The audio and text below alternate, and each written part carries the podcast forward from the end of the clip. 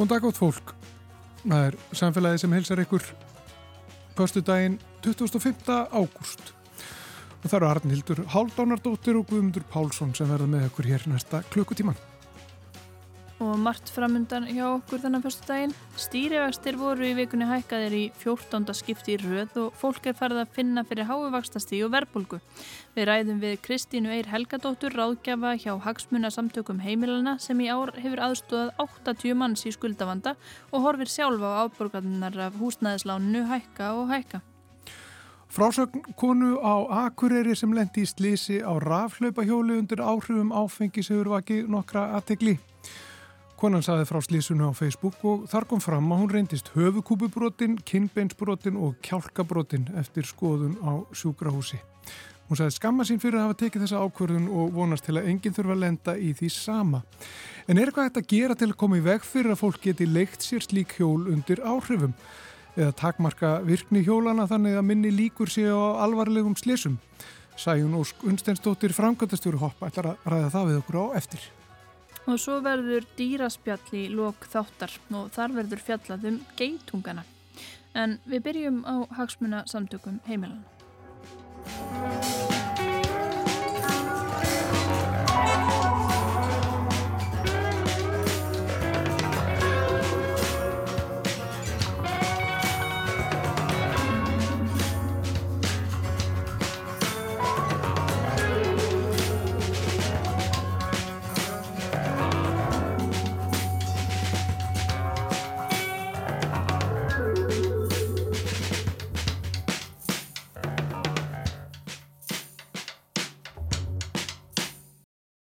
Ég heiti Kristín Eir Helgadóttir, er starfsmæður hjá Hagsmjörnsamtök heimilina, ég er ráðgjafi sem sérhæfi mig í greiðsleiruleika málum.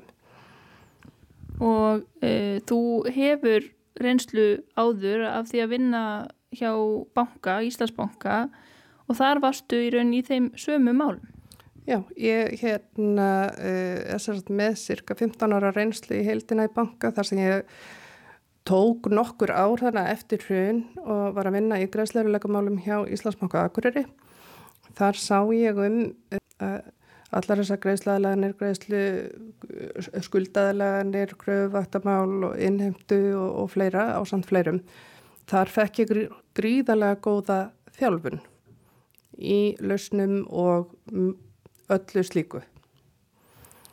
Og Þar var ég eh, til 2017 þegar að hérna Íslandsbanki í rauninni tók fókusin af greiðsleirleikamálum og það mingaði greiðlega mikið þannig að mín deild var lögut niður. Þá fór ég að vinna hjá Sparisjóðu, Sparisjóðu höfkuringa og þar var ég í fimm ár sem ráðkjafi.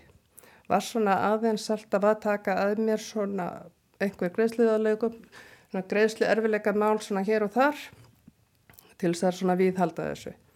Og lenn lendir, þú veist, er það tilviljun að þú lendir í þessum málaflokki eða var eitthvað sem að ítti þér þangað einhver, einhver áhugi sem þú hafðir á þessum málum? Ég hef sjálf haft gríðarlegan áhuga á þessu. Það, þetta náttúrulega hefur verið mikið í kringum okkur og sem úlingur þá hérna fóð maður kannski aðeins vittlust að stað á sporinu. Maður þurfti að læra þetta svona, maður segja, the hard way. Þannig að, að þetta er manni mjög huglegt og uh, hérna fóru mentaði mig og mentaði viðskiptafræðingur og hef svona, uh, svona sótti í að vinna fyrir bankana af því að þetta er svolítið svona hugsun hjá mér.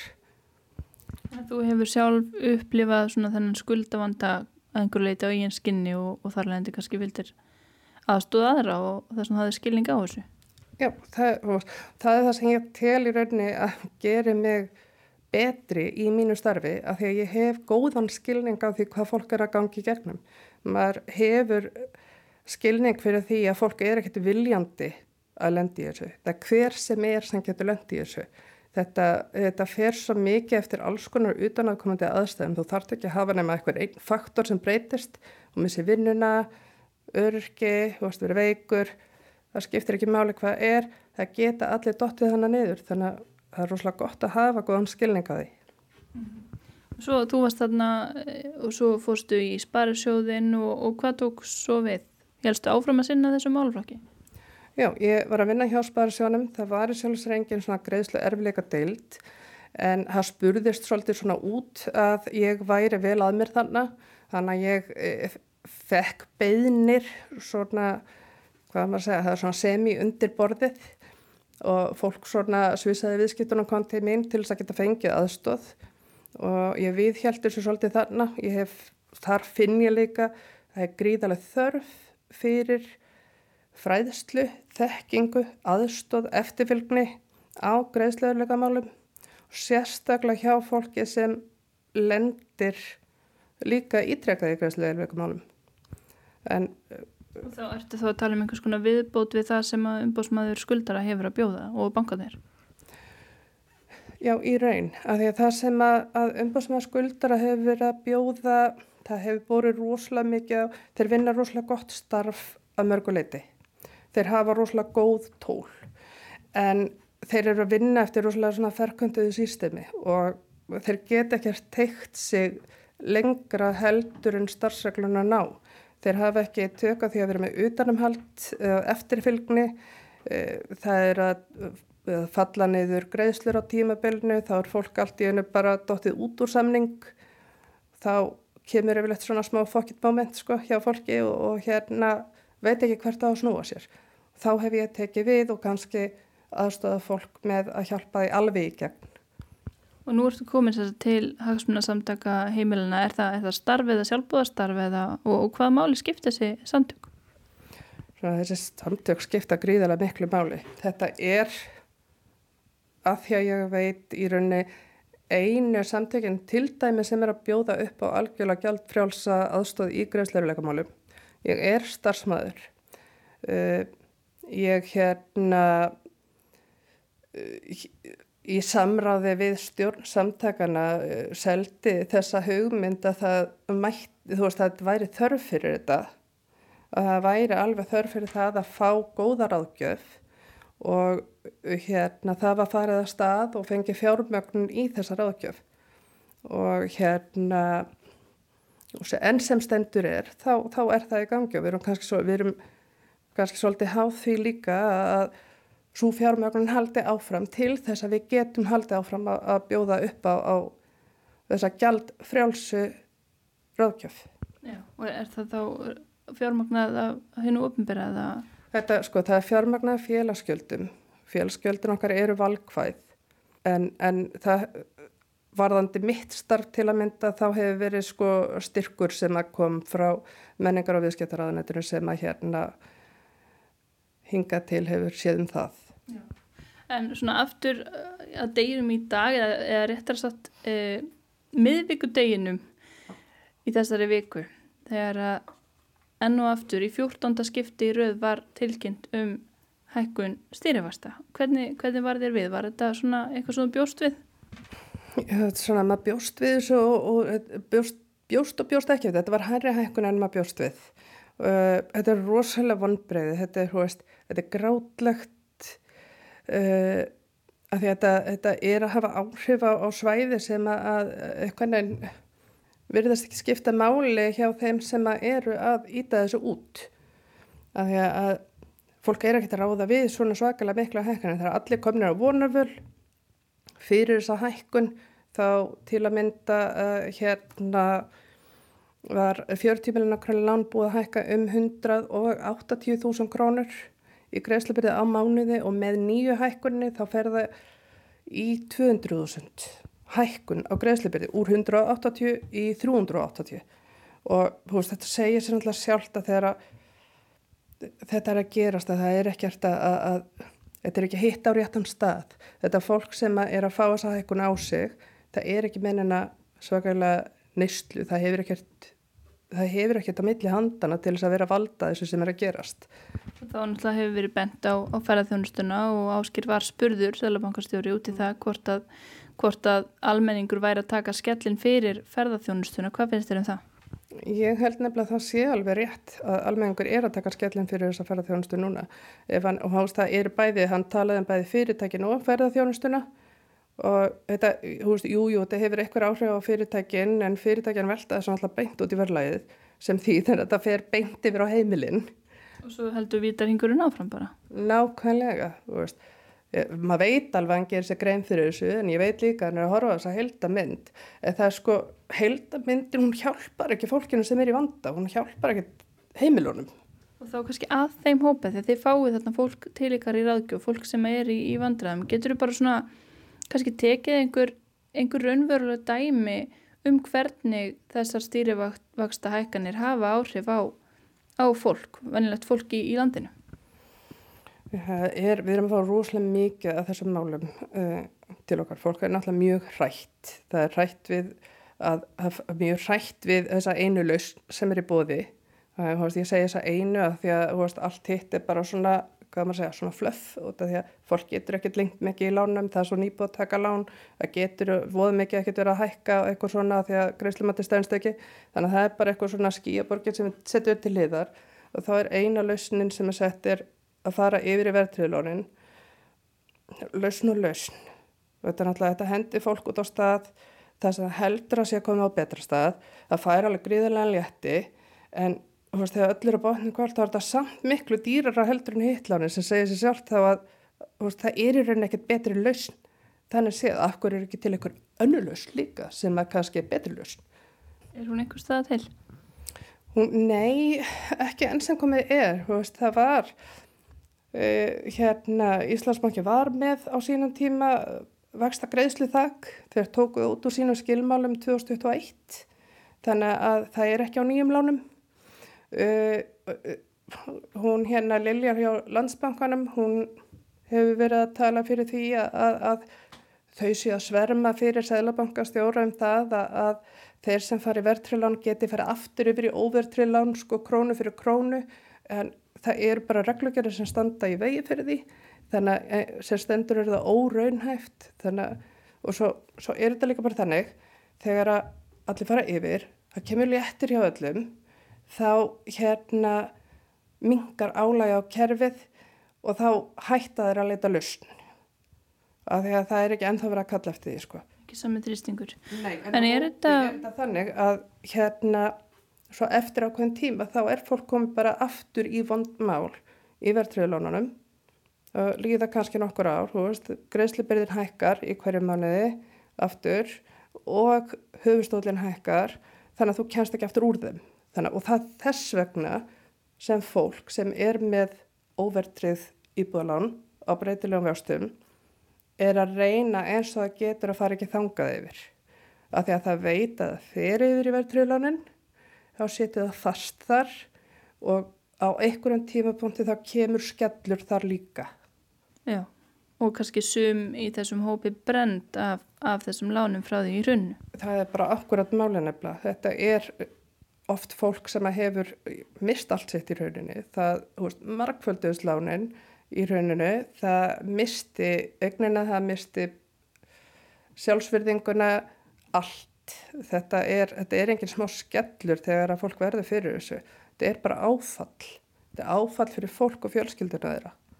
Og í dag núna eftir allar þessar hækkanir sko er fólk að fara að missa heimili sín hvenar þá, er þetta aðalega unga fólkið eða þetta er fólk náttúrulega ekkit endilega ungt í dag þegar það þó sér að tala þannig eins og það sé ungt þegar kaupir fyrstu fastegn en, en hvaða, er þetta fólk sem er nýlega búið að kaupa fastegn hvaða hópur er helst í í hættu? Ég held að þetta sé alveg rosalega loðið í rauninu núna að því að við erum allt, þetta er svo breytt uh, í rauninni viðhorf. Uh, þetta er svona aðeins öðru sem það var. Það er alltaf hópur sem er ekki að ráða við þetta. Við erum að horfa á fólk sem er að koma til mín sem er eldra fólk sem mögulega er að dætt út á vinnumarkaðinum, beðlun 60 til 70 til með alveg gríðilega gott lánsæðismat Þetta fólk er í gríðalegum vanda. Það er að leita í skamtíma lánastofnana til að retta sér og það er nefnilega málið. Það er alltaf verið að segja okkur, við erum ekki í vanskilum. Það er engin í vanskilum. Það er alveg rétt. Það eru sögulega lág vanskil. En það eru sögulega lág vanskil af því að fólk er að geta retta sér. Fyrsta retting var að fólk hækkaði í búðalanu sín. Af því að það átti veðrið mig þá gata borga meira. Svo ræði það ekki við aðborgunar af hækkuðum lánum þannig að það fyrir að taka yfirdráttaheimildir. Svo þegar að það er ekki lengur að geta gert meira í bankana þá fer það yfir í skamtíma smálánastofnanir sem er eins og auður, pay, sífin pay og netgero. Þar getur fólk tekið, ef þú ert með gott landsæðismat, þá getur fólk tekið alltaf miljón út í pening í svona skamtíma lán sem borgar neyður á 24 mánuðum og það er að gera þetta og það er að rúla þessu inn á íbúðalánin og ég hef verið að fá verulega mikla breytingu af fólki sem er að koma inn af því að maður er að fá fólk sem er í lagi, það er ekki neina vanskilum en það er með fjórar til 8 miljónir á bakinu í einhvern skamtíma skuldbindingum. Það er enginn sem hjálpaðum af því að leið og búin að um leið og ferði í þessaritingu þá færði ekki aðstóð hjá bankanuðinu það er almenn vinnuregla hjá öllum böngunum að þeir lána ekki fyrir uh, það sem þeir kalla smálánaskuldbindningar. Að því um leið og þeir lána fyrir því þá getur þau byrjað upp á nýtt. Þannig að við erum alltaf að horfa eitthvað dæmi sem við hefum ekki séð áður. Fólk er í góðum málum, ekki vanskilum. Það hefur ekki greiðslu getu í þetta, eða kannski að borga 300-400 og kalla íbúðlánu og komið 400 skona greiðslu byrðið í skamtíma skuldbindningum. Þannig að það er rosalega hátt fall úr að einum lánsaðismati, beint og vanskilaskrá og þaðan koll af kolli í hérna að ferja til hvað er alltaf að vera langt með þetta. Að að, að, við erum alltaf að sjá þetta. Þetta er bara eitthvað sem við höfum ekki séð áður en ég, ég geti ekki ímyndað mér annað en að hérna það rúli inn nauðungasölunum eftir það. Og já, það er náttúrulega svakalegt að hafa verið og það er það fólk sem að, já, hefur keift fyrir tildulega stuttu síðan, þú veist ekki fyrir 30, 40, 50 árum síðan heldur? Já og nei. Að því að bæði það sem ég er að upplifa í þessu starfi sem ég er í núna og það sem ég var að upplifa bæði hjá Sparsjónum og svo Íslandsbanka er að þegar, að hann, þegar hann lækkaði vextinu svona ört sem alltaf greinilega eitthvað svakalegustu mistök sem hann hefur gert þá fóru allir, ég upplifið þetta sem bankastarfsmæð þá, þá fóru allir af staða endurfjármagna. Þannig að þó sem fólk var ekkert að nýbúið að kaupa þá bara endurfjármagna allir. Það er endurfjármagna og svo fóru alveg, ótrúlegast að fólk fóru og kefti sér íbúðum með tvö að því að þeir gáttu það, að því að það var svo lága greiðslipirið. Þannig að það er allir búin að eitthvað neina maksa sig út eða stór hluti er búin að maksa sig út. Mm -hmm. og en þetta er líka misskiptingin er alveg svo mikil að því að við erum með hann stóra hluta sem er búin að maksa sér út og svo verðist vera að við séum svo með næsta hóp sem er með gríðarlega mikið gapa á milli sem er rosalega lítið skuldsettur og þetta er ekki eins og huga fólk sem er yfirdráttaheimildir í dag. Það var setning sem ég fekk um daginn bara ha, býtu hvað, er fólk með yfirdráttaheimildir? Og maður stóð bara, er þetta ekki að grínast? Er misskiptingin í alvörun svona mikil að, að maður sem vinnur eitthvað starf í ráðunetti hefur engan skilning fyrir því hvaða stór hópur sem er ekki að ná endum saman. Ykkur er, ykkur er mjög illa við verðröðu lánin það ekki hjá, hjá hagsmunarsamtökum heimilega? Það er ekkert að ástæðu lausu. Það, það er alltaf þannig að verðröðu lánin eru dýrari kostur. Það skiptir einhverjum áleikvæðin og snýrði. Tæknilega séð, fræðilega séð, þá eiga þau að vera raunhæfari kostur en þau eru það ekki. Að því að þau, þú veist, ef þú horfið bara, þú þátt ekki að nanna að horfa á heildar endugreðsluna, hún er alltaf einhverjum 20 miljónum herri, sko, þó svo sért hvernig er í 25 ára lán versus 40 ára lán. Og stjórnsamtakana sem hérna er náttúrulega búin að fara með gríðilega mörg mál eftir hrunið. Og það má ekki gleymast hvernig aðstæður voru þarna eftir hrun. Þetta er ekkert volið langur tími síðan þá vorum við að horfa á það að fólk misti íbúður og ná íbúður og ná íbúður og ná íbúður og það var bara fólk sem sko var ekkert búið að gera neitt til þess að valda því að það eitt að missa, það bara fittaði ekki inn í réttu kassana eða sótt ekki um réttu hlut á réttu tíma eða þú veist. Engin svona afdreifarík mistök sem það gerði. Og þannig að það er ekkert skrítið að fólk sé hikandi við að þessi rauðglóandi lán að því að það, við vitum alveg að eftir eitthvað tíma þá kemur skellurinn þar. Verðtriðu lánin, þau eru ekki á förstum vöxtum hjá flestum. Það er klárt mál að bankanir eiga eftir að hækka vextina þar líka. Þeir hækka kannski ekki svona mikið en fólk á eftir að finna rúslega mikið fyrir því.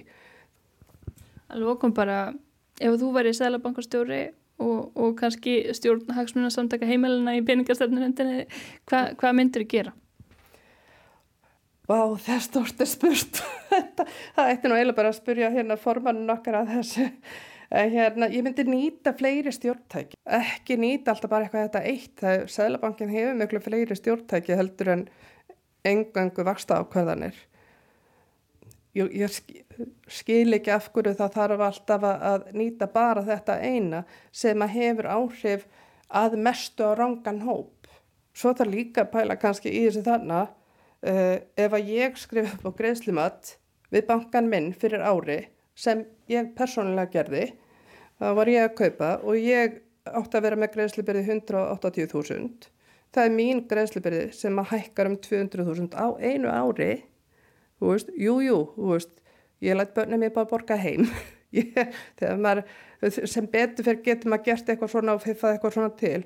En er þetta ekki forsendu brestur Ég er ekki búin að skrifa upp á neitt meðaltal sem sínir mér það að greiðslipið minn geti meira en tvöfaldast á einu ári. Og þú óttast þá fyrir sjálfur en að lenda í, í skuldavanda aftur núna í þessu árferði?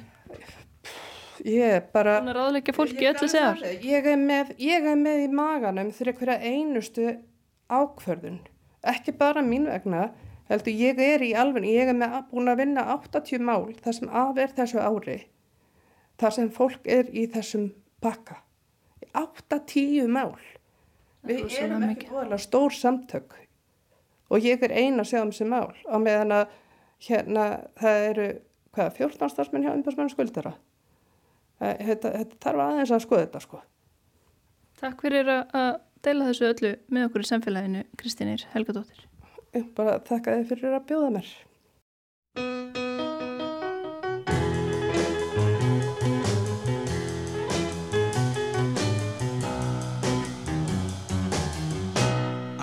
Found my thrill. On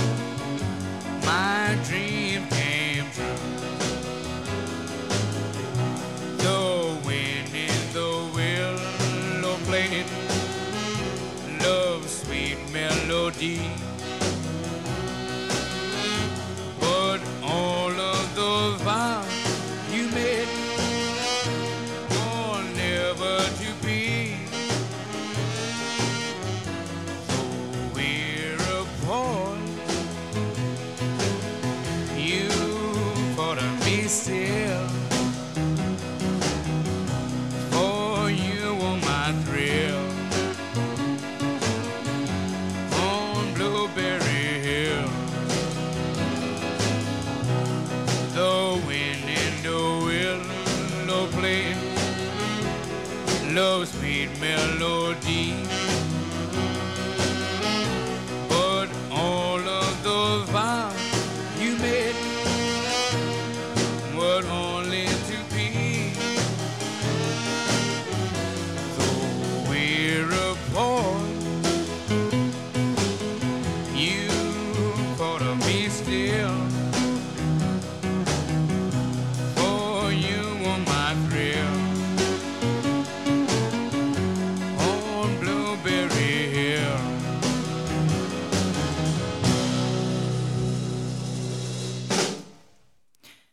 Þetta var Fast Domino með lagið Blueberry Hill og örgleikju vegi að fara að taka stöðuna á berja, bláberja sprettu í berjamóðu næstunni. En að allt öðru. Já, hún er sest hjá okkur Sæjun og Skunstistóttir. Hún er frangatistur hopp eh, sem að rekur uh, raf hlaupa hjóla leigu Mhm. og bíla, annars, og bíla Mhm. líka Mhm. og uh, það er fleira í farratninu hjá ykkur. Mhm. Um, við ætlum aðeins að tala um, um raflaupahjólinn. Uh, það var þessi frásögn sem að byrtist á samfélagsmiðlum um daginn. Uh, það var kona sem að uh, leiði sér hjól, uh, var undir árum áfengis og lendi alvarlegu slísi. Mm. Hún sagði frá þessu bara opin skátt. e, slasaðist illa og, og sagðist vonast til lengi þurfi nú að lenda í því sama. Okkur langar að spyrja þig út frá ykkar svona sjónarhóli sko. Mm. Við höfum nú séð það hefur verið átak núni á samgöngustofu um, um þessi mál mm -hmm. um, sem hefur verið ábærandi og fólk veit ekki eftir. En, ekki skúta upp á bak. Emitt, ekki skúta upp á bak. Það er, við vitum að fólk er að slasa sig á þessum hjólum, við vitum að fólk er að keira drukkið á þessum mm. hjólum. Er eitthvað sem er hægt að gera með þessi hjól frá ykkar bæjatur síðan sem að geti minga líkunar á, á slís? slísunum? Sko fyrst og fremst náttúrulega bara ótrúlega huguð þessi kona að koma fram og bara þetta er svo mikilvægt umræðafni og og ef við tökum núna bara hvernig, gætu, hvernig hefðu við getið að koma í veg fyrir þetta slís grunnuna sem slís er náttúrulega hún stígur upp á afskútu ölfuð og hefði hægari hraði allra slísinu, við höfum ekki hugmyndum það. Um, og hvað gerðist, hvernig datt hún? Fór hún í misfellu, var hún að keira hratt eða annað? Og ég held að sko þetta snúist alltaf bara um heildarmyndina og snúist um þetta stóra samengi ef við förum núna að setja hvaðir og hamla sagt, hraða á einhverjum ákveðnum tímabili á nóttu þá eru að horfa á hvað 0,1% af notendahópnum okkar sem eru þá þeir sem eru að stífa rafskútu ekki í ástandi til akani í staðan fyrir að horfa á alla notendunda sem eru actually, að reyða sig á faramótan til að komast heim. Já, þú segir 0,1% Já, það, það miða við öllum þúsundu ferðarna sem er að fara og við förum tíðúst ferðar á dag mm -hmm. núna allt upp í 11.000 ferðir í þessu veðri og það er að slasast 1-2 sem eru of mikið, því að við erum ekki að tala fyrir þessu slísum að þá, þá erum við bara að horfa á örlítinn hóp og fara að hæja á út af þeim í staðin fyrir öllum hinnum sem eru sennilega bara að fara heim til sín. Og til dæmis að því nú eru að tala um að nóttu til. Þá erum við að tala bara um næturhækjarfið, við erum að tala um sjúgrásin, slökkuliði, laurugluna, við erum að tala um alla sem vinna veitingarstöðum og skemmtstöðum. Þau eru að reyða sig á hann og fara til að koma heim. Og eiga þau þá bara, já, heyrðu, ég kemst ekki hraðar en mögulega átta eða eitthvað, ég veit ekki hvað er réttur hraðið svo að þú, ef þú ert undir miklum áhrifum, mm -hmm. hvað, þú ert ekki með jafnvægi lægi, þú getur líka bara dottið á hjóluninu og bara hreinlega dottið lappandi, sko, það er bara að höfum það hreinu. Og bara, nei, að því að einhver gæti, og nú ætlum við að vera með forræðis ekki fyrir þess að mögulega eru druknir. Þetta bara passar ekki. Og ef við gerum það, þá erum við líka að segja að er lægi að fara á rafskútu fullur. Það er réttlætið þá bara fólk að segja að það er hvort þeir búið að hægja á, á skutunni. Já, ég, það eru okkar rauk fyrir að við sem ekki búin að gera þetta. Við erum samgöngur við erum samgöngufyrirtæki og við erum valmöguleiki til þess að komast til og frá vinnu. Mm -hmm. En er einhver, er einhver önnu leið eins og, eins og Guðmundur nefndi hérna í upphafi til dæmis einhvers konar próf? Eru þau jafn hamlandi fyrir og ósangjötn? Er, eitthvað þetta, flækjaferlið við að leia sér skútu á nóttunni um helgar? Já, við erum búin að fara með þetta mitt fram og tilbaka. Einu sem langaði mig ekki að gera svona stöndu gjörgæsla og þú ert að skrifa gjörgæsla, stafa mm. gjörgæsla og þú ferða skútuna en ef þú ert óbærslega lesblindur, getur ekki geta skrifað staf, við, það er alveg sama hvað það er. Það er, þú átt ekki að stíga upp í faratæki sem þú veist þú veldur ekki. Það er bara grunnurinn á þessu. Já og við það... getum ekki breytt því. En við getum gert það með forverðnum og með umtali og að ymmit koma hér í þennan hátt og ræða þetta. Það, er, er það þá ykkar viðhorf að það sé rauninni ykkar hendur sé bara bundar því getið ekkert gert sko, til þess að koma í veg fyrir að fólk sé að keira drukkið á þessum hjólum? Sko, það, er, ný... meina, það er algengt. Ég meina er það ekki, ég hef ekki segjað það bara. Jú, jú, jú, jú, sko hendur í nýsköpunum fyrirtækjur aldrei bundnar það eru alltaf til einhverja leiðir og auðvitað eru alltaf að skoða leiðir og við erum með það núna í appinu okkar í dag að þú getur stilt skútan fari hægar. Og þá bara þarfst þú svolítið að meta því sem einstakling. Ef þú veist að þú hefur ekki stjórnað þér þá getur þú bara farið inn í appið og þú getur breytt stillingunni þannig að þú komist einfallega ekki hraðar. En mikilvægast að samt er það að þú sérst að stíða upp á faratæki og þú, þú, þú, þú þurfur að geta valdið því Alveg eins og verða að stíða upp á hól, upp á hjól. Og líka, þetta er nýtt faratæki, þetta kom á göttum á 2019 mm -hmm. og, við, og þetta er að sína sig og sanna að þetta er að taka hundrið bíla á göttunum, rafskutunum komið til að vera, hún þarf bara meiri forvarnir, meira umtal, við þurfum betri innviði, við þurfum flottari hjólastíga og við þurfum bara að fólk hugsi betur. Þannig að ef við bara förum núna og setjum yfir alla Reykjavíka eftir miðnætti komist engin hraðar en einhver ákveðin hraði þá erum við að tala á móti öllum notendunum okkar nema þessum örfáu sem stígur på skútuna ölvaðir Já. og við viljum ekki einu sinni fari ölvaðir þannig í rauninu með því að lækka væri að segja að það væri lægi að fara ölvaðar á skútu mm. En að spyrja, að... En að spyrja ertu, ertu búin að neyta áfengis áður en þú samþykir Já, heldur það að það Já, það er mjög langt En það er bara, við heldum að það sé ekki nóg því ef þú ætlar heim, þú kemst ekki þú færð ekki legubíl, þú kemst ekki heim. Og þú ætlar bara að fara heim, þá held ég alveg sama hvaða trikk við séum með í appinu þú bara ferð heim, þá þarf bara hausiðin að virka og geti og svo það líka bara spái, þú, þú stendur á rafskutu, þú ert hvað 27 cm frá jörðu ef þú ekur á þeim hraðast þú tristir, þá ert ekki að fara að slasa þér svona þú ert að fara hratt og það eru innviðinir sem er að valda slísunum og það er bara ekkert flóknara Og innviðinir, þá áttu við hvað? Þá er ég bara að meina gangstættir. Það eru bara slisa gildrur út um allaborg og það sem er bara, bara hérna möl, möl á veist það er eitthvað skonar hóla, það eru hái kantar, veist á beinum og breyðum hjólastíg. Það er ekki, það er ekki, en því miður jú, það er eitthvað af, af hólum og, og hérna svona, það eru, það eru flottir, það eru flottir menn og konur sem halda því við. En eitt af því að nú tók ég eftir því á menninganótt mm -hmm. að þá var læri hámarsaði á hjólunum. Mm -hmm. Var það þá af einhverjum öðrum ástæðum heldur en að koma í veg fyrir slís? Já, það var af engri ástæðu til þess að allt frá því að druknir einstakleika myndi farið búið rafskútu og slasa sig. Það var bara vegna þess að menninganótt nú snýstu fólk og fólk á að vera lappandi. Það á ekki að vera reyðhjólskútur eða önnu faratæki inn á svæðinu sem fólk er gangandi það bara snýstu um það og þess vegna setjum við svona zone að beðni borgarinnar og beðni í rauninni bara ríkisleglustjóra og almanna varna hérna uh, hópsins sem séru um menninganót og, og við setjum svona zone yfir all, alla höfuborgina, alla miðborgina og svo leið og þú kemur inn, þá byrjar skútan að hægast, þá fattur, heyrðu já, ég má ekki skilja hann eftir og þá fer ég með hann á stæði. Það er bara vegna þess að hún ná ekki heima innan um 200 hús gangandi einstaklinga og ekki pláss fyrir hana. Það er ekki heldur pláss fyrir hjól. Mm. Það var ekki pláss fyrir bíl, það var líka loka fyrir bíla. Og svo, við styrum að tala um þetta, að hæja á hraða. Af hverju byrjum við þá að gjá því að stýra öllum bílónum okkar sem eru komin með tæknina að þeir geti ekki, ekki hraðar en 30 og 30 götu. Mm. Ef við byrjum þar, þá fyrst fækkum við slisunum. Svo getum við farið í að skoða þessi minni faratæki. Já, en það, það fækkar ekki slisunum á hlaupahjólunum? Nei, nei, en þeim fer samt fækkandi slisunum á hlaupahjólunum. Já. En þú nefndi forvartin á það. Mm -hmm. Hvað, hvað er hægt að svona gefa í þar? Er það, stendur það eitthvað upp á ykkur? Er eitthvað sem þið geti gert til þess já, að fræða fólk meira? Já, við erum náttúrulega bara stanslust í okkar markasefni alltaf að tala um út frá öryggi og vinnum með samgöngustofa sjálfsögðu þegar það á við í öllu. Við stuttum þetta verkefni, við náttúrulega komið ekki að þessu verkefni, þessu forvarnaverkefni en við vorum mikið búin að íta á það vegna þess að það voru ekki Volvo sem startaði öllum forvarnugakvart bílnum það var samgöngustofa og samgöngustofi núna stíga risastórt flott skref í forverðinu gagadrafskutum.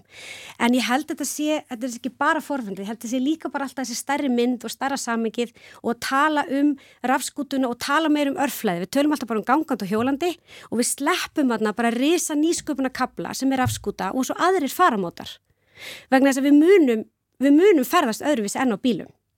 Almenna samgöngur er alltaf nummer eitt og svo þurfum við að finna aðra leiði til þess að ferðast og samgöngustofa, hún verður og hún er að koma inn með tryggi í forverðnum að ebla aðra samgöngumáta því við þurfum meira val, við þurfum breyta umfyrir teppunum, við þurfum alltaf aðeins að bakka og horfa á stóru myndina við getum ekki bara horta á slis og horta á eitt og eitt slis og aldrei tekið út í fjölda fjölda af nótkunn Það er ekki gert við bílana og við hefum ekki heldur að gera það við skútunar og það er heldur ekki gert við reyðjólinn. Við þurfum að horfa á magnið og fjöldan sem nýti sér og svo fara ofni ástæðunar.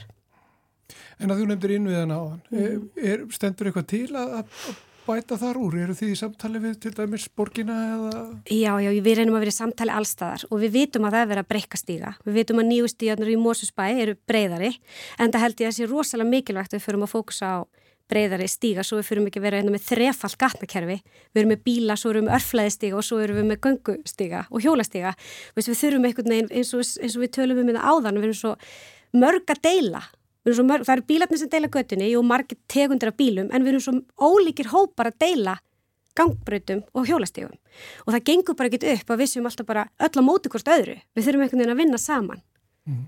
Fá ekki umfyrir að teppu þar líka? Já, við mögum ekki gleyma, veist, rafskútan er, hún er rafmagstæki, hún er umhverfisvæn, hún kemur fólki frá A og B á, á, á bara umhverfisvænur og fljótan hátt og við þurfum, og hún er bara komin til að vera og við þurfum bara að breytast hvernig við meðhandlum hana mm. og hvernig við tölum um hana og við þurfum að tala meira um hana og tala meira um akkurat þetta sem þeir að fá mig hingað yfir slisin. Ætlum við gerum það ekki bara aftur setna. Takk fyrir að koma og, og tala við okkur, Sæn Ósk, Unsteinsdóttir. Frangatistur Hopp. Takk fyrir það. Takk, takk sem ég leiðis.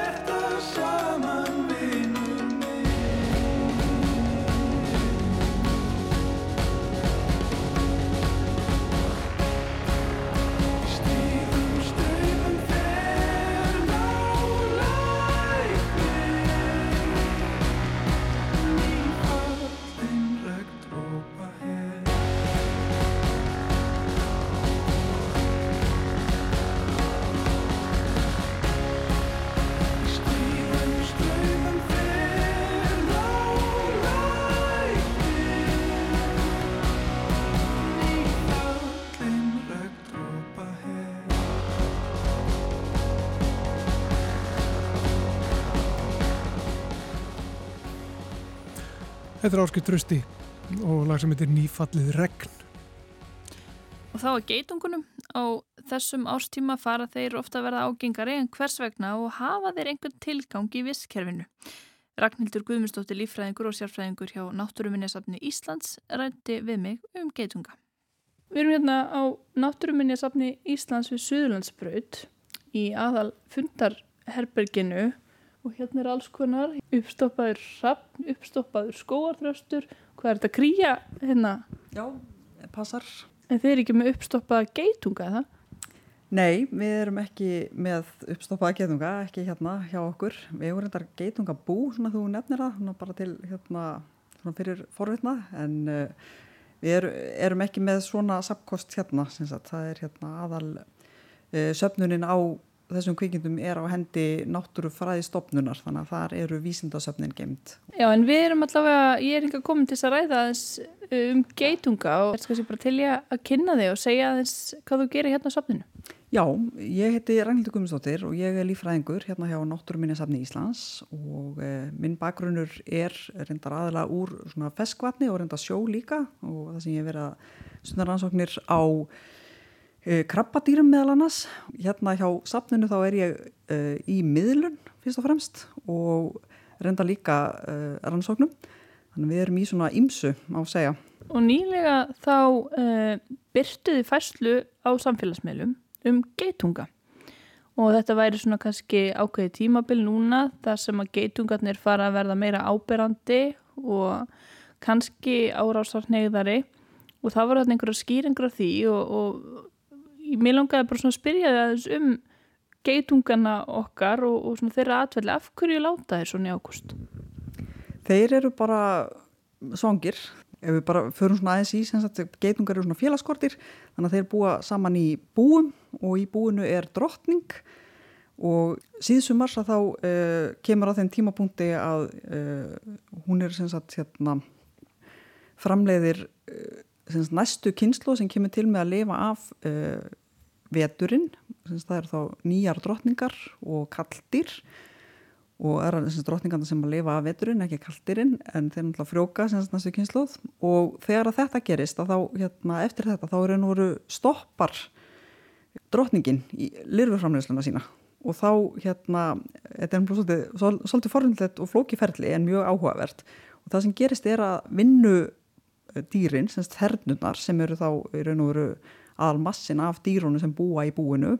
Þær eru að fóðra þessa lirfur og þeir hafa kannski tek, tekið eftir því að er, maður sér raun og verið mjög vel á geitungum, þeir hafa svona þessa, þessi típisku skortýra enginni, þeir eru með svona þess, haus, miðból og afturból og á milli þessara líkamsluta eru svona þessar skorur sem að skortýrin draga nafn sitt af. Og þessar skorur eru mjög ábyrgand á geitungum, þeir eru með, með mjög mjótt mitti sem þýðir að þeir geta ekki verið að geta neitt nema fljótandi fæðu í raun og veru. Þannig að það sem að þeir geta er svona sigursafi, annars vegar þá úr blómum og svo hins vegar úr sem, sem, það sem kemur frá lirfunum í búinu. Og fóður lirfana í búinu eru skortir, önnu skortir sem að þessar vinnu þernur eru að ná í og sækja semst út um kveipin og kvapin og það er þetta semst hérna, fyririldanleiru til dæmis og bladlís og hitt og þetta sem að er veiða og búta niður og fóðra lirfurnar á, því að þær þurfa að fá svona prótínlíka fræðu og það sem að lirfurnar gera, það er framleiða svona, svona sætan vögva, úrgangurinn og þeim er sætur vögva sem að þessar vinnuþernur er að drekka þá, eða borða, það er þeirra fóður ásamt í náttúrulega sem geta fengið bara úti úr blómum og svo leiðis þannig að þegar að þessi lirfuframleysla hættir í búanum þegar að búið bara hérna liðundilokk og hösti er, hérna, er að fara að banga á að þá hættir þessi fæðu uppspreyta fyrir vinnu bíð og svo náttúrulega minga líka hérna, fæka blómunum semst, þannig að þær eru bara svongar og pyrraðar og þá svona verður ímislegt sem að við erum með kannski frestandi hvort sem að það eru góðsdósir eða einhvers konar já, sigursöld sem að við, við erum með í okkar gardveslum eða, eða öru Já, það er náttúrulega að sækja í þetta skiljanlega, þá verður þetta svona mynda áberandi hérna e, já, bara í umhverfinu senst að því að þær eru náttúrulega hérna út um allt allan á höfuborgarsvæðinu. Já, senst að við erum með fjóra tegundir og það er e, finnast ekki allar allstaðar, það eru aðalega er þetta trjágetungur sem finnst er enda mjög víða um landið, svo er það hérna, þannig að svona kannski algengastur getur við sagt. Svo eru við með hólugetunga sem að finnast kannski aðal á höfubróksvæðinu eru reyndar farnir að finnast aðeins víðar, kannski á Suðurlandi og, og hérna Akureyri mögulega og eitthvað svona. Og svo eru það hérna tvær tegundar sem eru kannski ekki mjög algengar, húsagetungur og róðagetungur en þá aðalega bara hafa fundist á höfubróksvæðinu. Og er einhver munur á þessum tegundum? Bara hvað var þar atfelli eða lífshætti almennt? Já, þeir eru náttúrulega bara með sín tegunda enginni, þeir eru hérna eins og trjágeðingunir, þeir búa til bú sem að hanga á greinum eða grindverkum eða einhverjum svona struktúrum, þeir sjást gerðan ágæðlega þessi bú. Að meðan að hólugeðingunir eru með bú sem eru þá gerðan ekki sínileg koma sér inn um einhverja glöfur og byggja búin kannski undir hellulögnum eða inn í einhverjum kössum, ég er mitt með eitt svona hólugeðingabú í moltukassanum í garðinu mínum. Þannig að hérna er mjög spennt að fylgjast með því. Og eru, þeir eru svona kannski aðeins aggressívari, þeir eru svona hérna, eh, heldur en trjágetunganir þeir eru, já, þeir eru svona kannski aðeins skapstikari og svo eru það náttúrulega ef við hugsun bara um hvernig það líta út þá náttúrulega hafa það alltaf sitt útlitt og eh, sín einkenni. Og það er mjög gaman ekki bara hvet fólk til þess að fylgjast með þeim og, og, og þetta er mjög fallið dýr uh, maður getur með stegt húsagetungin ef maður heitir, ef maður heppin að hitta hann þá er hann með svona þrjá litla punta á nefnu og meðan allir með hólugetungun hann er með svona eins og ör, svarta ör beinir svona niður á við á nefnu trjágetungun hann er svona aðeins dekkri allur yfirlitum og meðan róðagetungun hann er svona aðeins rauðleitur og svo er líka bara mjög gaman að sjá hvað þeir eru að fást við í garðinum og önnur skorti náttúrulega. Þetta eru svo mikilvæg Það sem þeir eru að sísla þernurnar þá, þeir eru að Væntalega núna eru þær bara að næra sig, ekki að veiða fyrir lerfurnar. Já, það fyrir eftir bara á hvaða, hvar búin eru stödd sko. Það getur vel verið að, það er nú búið ágætt sumar og svona, þannig að það getur vel verið að vaksta tíminn og hérna framleyslan og lerfurnum sé eitthvað lengur.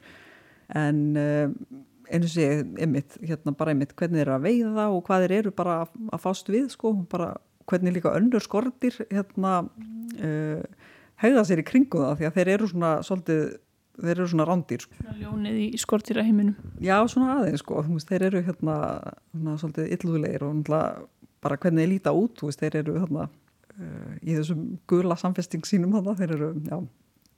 Enni sé, þetta er alveg stór glæsileg kvíindi. Uh, Og ef við hugsaum aðeins um bara einmitt stöðuna núna, sendi ágúst þegar að, þegar að hérna, drotningin fyrir að einbytta sér að næstu kynslu þannig rauninni sko þessi dýr sem eru eh, svona fyrrsumum til leiðinda í loka ágúst þau eru bara enda sitt, sitt æfiskeið Já, það má segja það. Og svo náttúrulega reyndar má kannski sjá uh, næstu kynslu og semst drotningar sem eru þá komið sér fyrir fyrir veturinn, það er alveg séns að þær séu á hérna að sjá þær líka Hvað er sko, er ekki einn drotningi í hverju búi og hvað skilar hún þá mörgum í rauninni til næsta árs? Það fer kannski bara svolítið eftir svona hérna ástandinu, þú veist hvað hérna hversu bara fæðuframbóði og annað hver, hversu margar hérna komast áfram sko. En svo er náttúrulega eins og ég það er náttúrulega fleiri svona svipudýr í, í uh, kringum okkur, það eru humlurnar það er náttúrulega búa til sín bú líka og, og svo hérna má stundum sjá, ég sá líka í gardinu hjá mér, það er hérna svona hunangsbí og það eru sem, sem fólk er þá að rekta og eru með bú þá einhverstaðar Þannig ég var mjög forvitin að sjá það hann að allt í hennu dúkað upp hunangsby í garðinu hjá mér, hann að innan um allar humlutnar og geðunguna. Þá var ég mjög forvitin hann að fór eitthvað að skoða hvað það getur verið að ferðast langar vegalendir í raun og veru. Því ég var eitthvað að spója hvort það væri bara einhver í nágræninu við mig með bú eða hvað og hunangsramlislu. En þær geta farið bísna langt sko og alveg upp undir uh, kannski 6 km eða eitthvað svo leiðis Ég hef svona tilfinningun að þú sért jáfnvel sko gaggert að búa til svona lilla rannsóknarstofu í garðinu og komið með hólugetungin og hunungsbí og allavega verðist þeim líða vel þarna. Já, ég hefur svona hérna, reyna að velja blóm sem að eru svona hérna, góð til þess að draga að sér svona þessi, þessi dýr, en bara gaman að fylgjast með náttúrulega. Og svo hérna, reynum maður svona slá kannski flötina ekkert allt oft sko, þannig að þá var ég með svona góðan brúska hérna, smára og, og fýblum og svona í flötinni. Og maður sá það alveg þetta hafði mjög mikið aðrættur á planað greinilega. Þannig að það var alveg hérna, ímislegt á ferðinni sko það var, það var bara mjög gamla fylgjast með því sko. Það er ekki spurning. Og hvernig hérna býr, býr búa nýju drottningarna sig undir veturinn hvernig lifa þær veturinn af? Það er komið sér bara fyrir á einhverjum góðum stað sagt, einhverju glöfu gerðmann eða eitthvað svona sagt, í hérna uh, í garðinu með að Já, þetta er náttúrulega langt mest bundi við eins og þeimist, við verum að tala um geitungana þeir eru náttúrulega langt mest bundnir við, bara í kringum mannabústaði og okkur hérna, byggja sitt viðurværi á, á okkur og okkar görðum og, og svo fram veið sko. Þannig að þeir eru náttúrulega komið sér líka fyrir þá þar fyrir veturinn sko.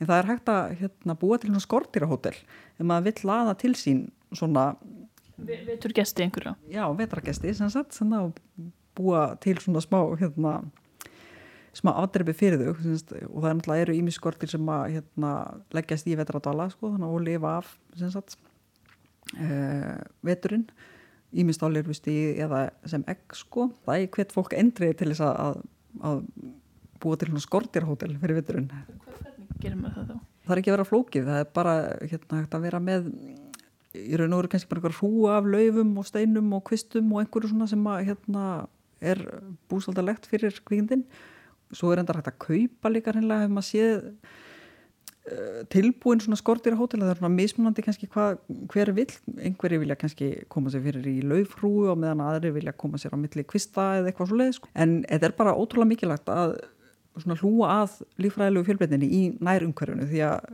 við erum bara að horfa fram á að, að tap lífræðilega fjölbreytinni er bara að gerast á ljósalega núna með það sem áður hefur verið. Og í raun og veru bara út frá uh, gjörðum okkar mannana veist, og eitt af því er náttúrulega bara rosalega mikil nótkun á skortýra eitri og bara mengun almennt og búsvaða eyðing náttúrulega lostasbreytingar og ofnýting. Já þú veist þannig að við erum einhvern veginn að vinna gegn lífrikinu á öllum vikstöðum þannig að, að maður getur svona Ísland er engin undantekning frá því og, og skortýrin okkar. Nei, nei, nei, þú veist og svo náttúrulega, já, það, það sem að hérna er líka reyndar má nefna er náttúrulega ágenga framöndu tegundir og þessar geitungategundir það er náttúrulega ekki langt síðan að það er komið hérna inn í lífríkið sagt, og það er náttúrulega að hafa sín áhrif á það sem er fyrir en það sem að, er kannski svolítið mikilvægt að hugsa um er sagt, að við höldum í breytilegan í raun og veru. Það er það sem að hérna, skipti máli. Því að bara ef við tökum bara loslasbreytingarnar þá eru bara umhverfisæðstar að breytast alveg gríðarlega mikið og þá er svo mikilvægt að sé viðbrast geta í kerfinu, í vestkerfunum, þannig að sé einhver breytilegi í vestkerfinu, í tegundunum og innan tegundana til þess að breyðast við þessum breytingum. Ef að bara svona, ef við tökum svona eitthvað aukafyllt dæmið, þú veist, ef að allir eru eins, semst, ef það er bara ein tegund af einhverju, semst, og engin breytilegi, semst, innan þeirra tegundar, að þá er viðbrags geta þeirra tegundar, hún er mjög lítil, semst, hún getur ekki brúðist við breytingunum sem er að gerast þannig að þess vegna er fullbreytnin svona mikilvæg. Það er eiginlega svona kannski kjarnin í þessum. Mm. og við erum alltaf með hérna þú veist eins og bara Íslandi okkar sérstað er, eru fáar tegundir í raun og veru en það er, það er ekkert ómerkilegt því að það er í raun og veru þýðir að það er tegundir sem eru komnar hérna inn þær hafa mjög mikil tækifæri til þess að aðlagast að svona fjölbreytum búsæðum sem eru hérna að því við erum nú oft sko maðurinn og það er kannski vandamálum við mannin en við horfum allt út frá einhvers konar nýtingarheikju og e, ég teki hvort að þau eru mikið skild bíflugurnar og, og, og geitungarnir en allavega í sama svona hérna, samfestingi eða svipum og bíflugurnar eða randaflugurnar eða hunagsflugurnar eða hvað sem við kallum það þær hafa verið mikið umræðin að því að þær séu svo ótrúlega mikilvægar fyrir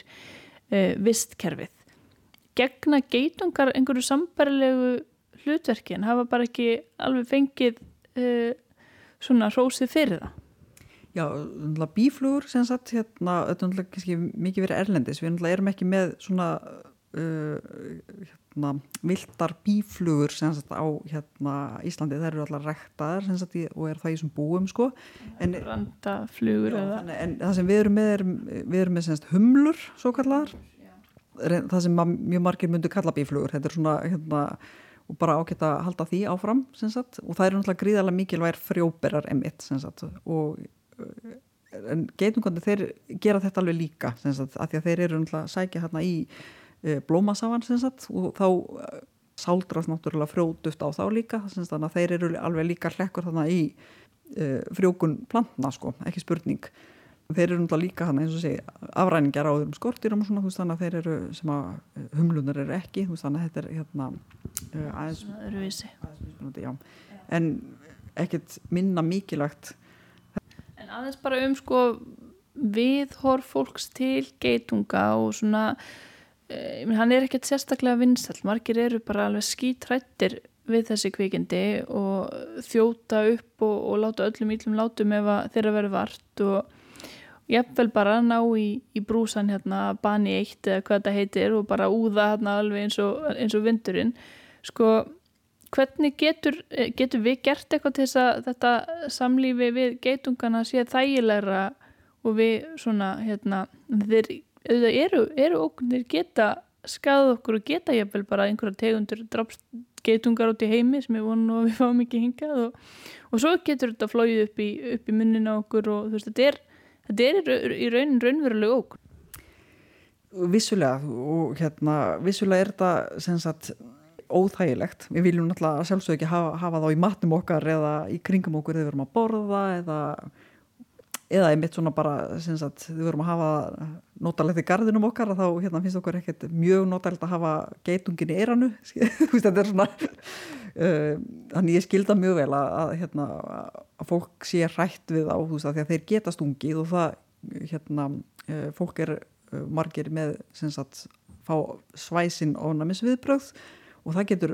eins og þessi nefnir verið hættulegt sérstaklega ef þeir fara ofan í góðstós eða ofan í eitthvað drikk sem að, og lenda upp í okkur og stinga þar, þá getur hérna, getur náttúrulega kokið á fólki bóluna og það er bara lífshættulegt sko. er, þannig að við þurfum vissulega að bara bera virðingu fyrir, fyrir þessu og, og, hérna, og einhvern veginn reyna að lifa í sátt við geitungana veist, það er ekkert langt síðan að þeir fóru að vera mjög algengir hérna sagt, í kringum og þannig að við erum kannski upp úr 70 sem að þeir eru að berast hvað mest sko og fara að svona ná að búa til, uh, búa einhverju ráði og koma sér almenna fyrir.